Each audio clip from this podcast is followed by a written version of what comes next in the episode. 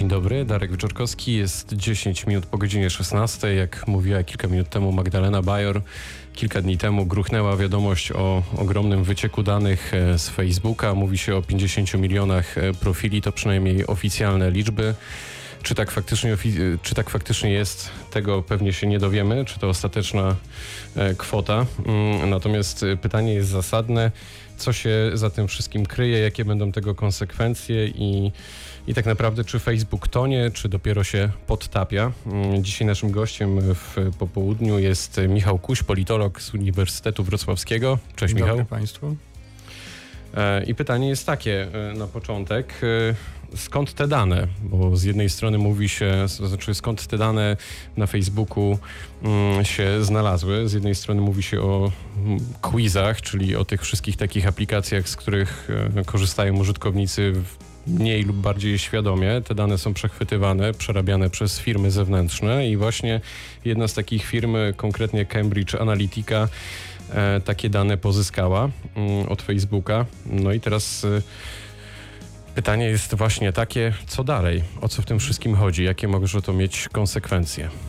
Dane na Facebooku oczywiście pojawiły się w związku z tym, że sami użytkownicy Facebooka te, tymi danymi się z platformą, e, jaką jest Facebook, podzielili.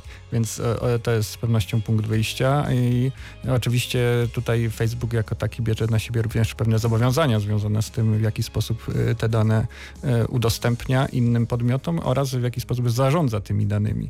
I tutaj oczywiście jest kwestia regulaminu Facebooka, jest kwestia tego, jak w praktyce będzie ten regulamin stosowany. No właśnie, z doświadczeń i z obserwacji wynika, że mało który internauta podchodzi poważnie do tego typu dokumentów i raczej tych regulaminów nie czyta. Czyli innymi słowy można stwierdzić, że tak naprawdę w dużym stopniu to, że te dane wyciekły, to w jakimś stopniu jest to wina samych użytkowników.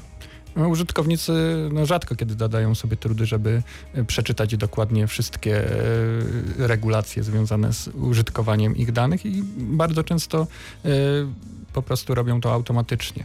Tak? W ten sposób, e, w jakiś e, również narażając się na konsekwencje tego typu, tego, e, tego typu postępowania i na to, że podmioty typu Facebook lub współpracujące z nim będą te dane wykorzystywać.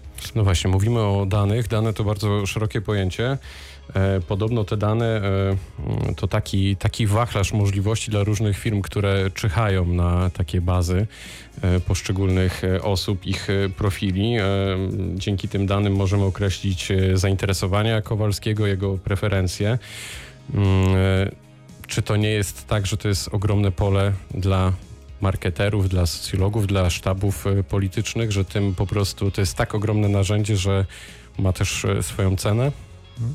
Oczywiście to jest ogromne pole, tym bardziej, że nie chodzi tylko o dane zostawiane przez y, pojedynczych użytkowników, bo y, mając dane różnych użytkowników i obserwując relacje między nimi, możemy również mapować w jakiś sposób relacje sieci międzyludzkie i w ten sposób y, dodatkowo pozyskiwać informacje, których sami użytkownicy nie zostawiają, ale my jesteśmy w stanie na podstawie śladów, które zostawiają w swojej działalności online, takie y, no, skomplikowane y, tutaj mapy relacji międzyludzkich i różnego rodzaju grup i struktury tych grup y, sobie, sobie przygotować, jako na przykład firma analityczna dysponująca konkretnymi narzędziami, konkretnym oprogramowaniem i ludźmi z konkretną wiedzą tak, w, tym, w tym zakresie, którzy mogą rzeczywiście, rzeczywiście pomóc te dane od pojedynczych osób przekształcić w bardzo skomplikowane, kompleksowe i bardzo użyteczne, w związku z tym również ogromne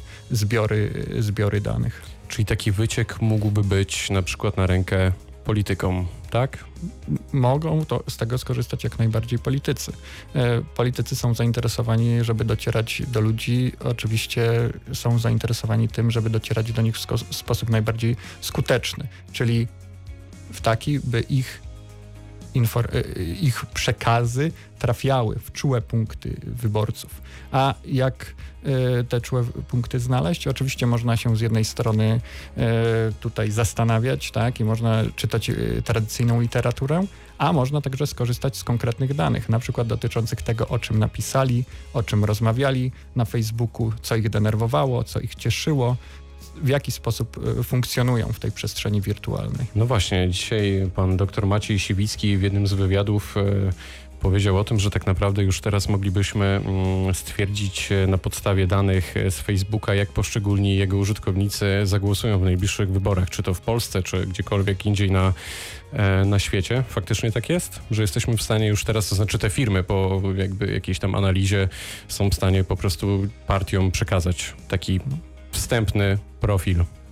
Z pewnością część użytkowników y, na tyle jasno wyraża, wyraża swoje preferencje, że tak, nie sądziłbym, że jednak, że dotyczy to wszystkich użytkowników Facebooka, bo jednak jest, można ich podzielić na kilka grup, w zależności od tego, jak, e, jak szeroki sposób dzielą się informacjami na swój temat i w jaki sposób angażują się e, w dyskusje dotyczące spraw politycznych, politycznych czy społecznych. Są, jest grupa użytkowników Facebooka, która jest zupełnie pasywna i, i ciężko jest jakkolwiek e, ocenić ich preferencje, nie tylko jeśli chodzi o politykę, ale również o, o szereg, szereg innych e, rzeczy. Jest część osób, które tylko i wyłącznie są na Facebooku po to, żeby obserwować, co robią, e, co robią ich znajomi, albo nie wiem, dzieci, małżonek e, czy koledzy, czy koledzy z pracy. Tak? Więc w tym przypadku jest to oczywiście trudniejsze. Czyli jeden wielki Big Brother, a twoim zdaniem co oznacza sama afera dla Facebooka? To jest rysa na wizerunku, czy już poważna wtopa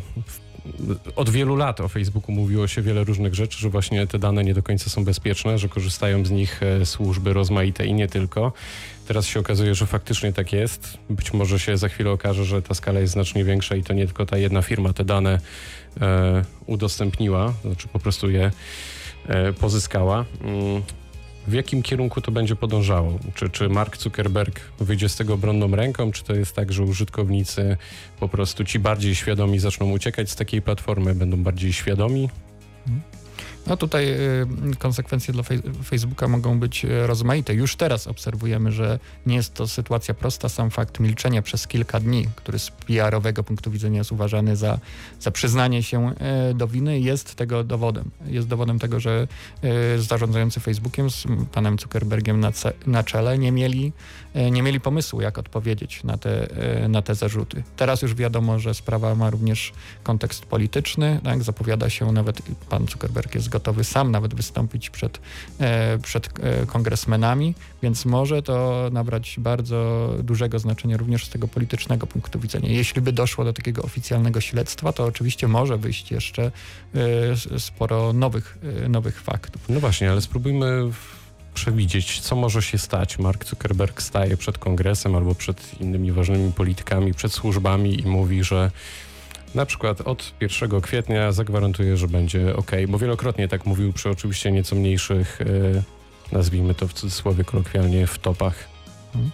No tutaj same, e, same słowa już w tym momencie nie pomogą. Tak? Mark Zuckerberg musi powiedzieć, że jest to e, tutaj pole do, do działań. Tak? W, słowa, w słowa już mu, można odnieść wrażenie, że nikt w jego słowa nie wierzy, tak? bo wielokrotnie już zapowiadano, że będzie poprawa, nawet były pewne zobowiązania czynione w, y, dla, y, w stronę tych y, instytucji regulujących rynek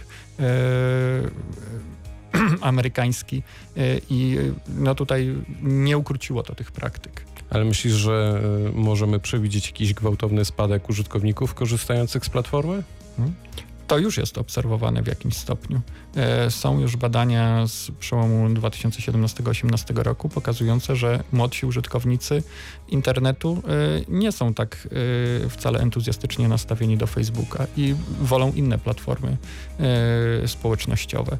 Więc to się powoli już dzieje. Oczywiście sama akcja Delayed Facebook, która również jest obserwowana i która została zainicjowana przez liderów, można powiedzieć, tych społeczności zajmujących się obserwowaniem, obserwowaniem internetu, również może się przyczynić, już widać, tak, już widać ludzi, którzy, może jeszcze nie w Polsce, ale w Stanach Zjednoczonych już ten ruch ludzi usuwających Facebooka no, nabiera, e, nabiera mocy. No właśnie, ale to jest e, też tak, że ci, którzy są i jednak z drugiej strony używają e, Facebooka chociażby do pracy, tak jak mówiłeś, bo Facebook stanowi dla nich jakieś źródło i inspiracji, ale nie tylko E, to czy oni na chwilę obecną mają mm, jakieś możliwości tego, by uniknąć zagrożeń, ograniczyć swoją działalność, właśnie bardziej świadomie podchodzić do aktywności tego, co wrzucają, co robią, pokazują? Facebook z pewnością daje takie możliwości, tyle że wymaga to dodatkowego wysiłku użytkownika. Mhm. Przejrzenia wszystkich opcji prywatności, zaznaczenia odpowiednim, y, w odpowiednim miejscu tychże opcji. To pozwala w jakimś stopniu uniknąć ryzyka związanego z pewnymi y, y, tutaj działaniami, które niekoniecznie są e, etyczne, tak? Lub niekoniecznie korzystne z punktu widzenia nas jako użytkowników.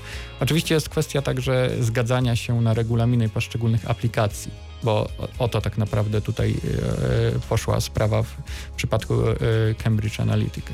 Ludzie dali y, jednemu z naukowców tak, z uniwersytetów w Cambridge e, pozwolenie na to, by obserwował ich działalność. Oczywiście nie do końca wiedzieli, że będzie również obserwował w tym przypadku ich e, znajomych, a już ci znajomi zupełnie nie wiedzieli, że ktoś w ich imieniu e, taką zgodę, taką zgodę wydał, więc trzeba mieć świadomość, że jest Facebook, ale są również twórcy aplikacji, które w jakiś sposób mogą wydobywać nasze dane. Mhm, to wszystko, o czym rozmawiamy, składa się na taką szeroko pojętą rewolucję cyfrową, czyli znak naszych e, czasów. E, I ta rewolucja cyfrowa, zdaniem wielu specjalistów, e, oznacza, że tak naprawdę w praktyce rejestrując się w internecie w różnych miejscach, po prostu kończymy z naszą prywatnością. To już jest pytanie na koniec, czy faktycznie tak jest? To znaczy, jeśli chcemy ocenić swoją, ochronić swoją prywatność, to, to powinniśmy zniknąć z internetu, twoim zdaniem? Jeśli ktoś e, żąda dla siebie i chciałby pry, e, prywatności absolutnej, to raczej tak, moim zdaniem. Tak, czyli jakby nie da się tego uniknąć.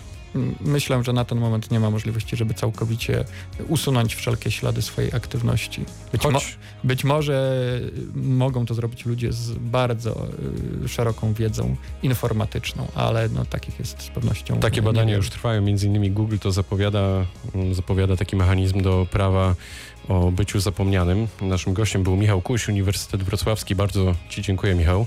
Dziękuję również. Darek Wieczorkowski, dziękuję.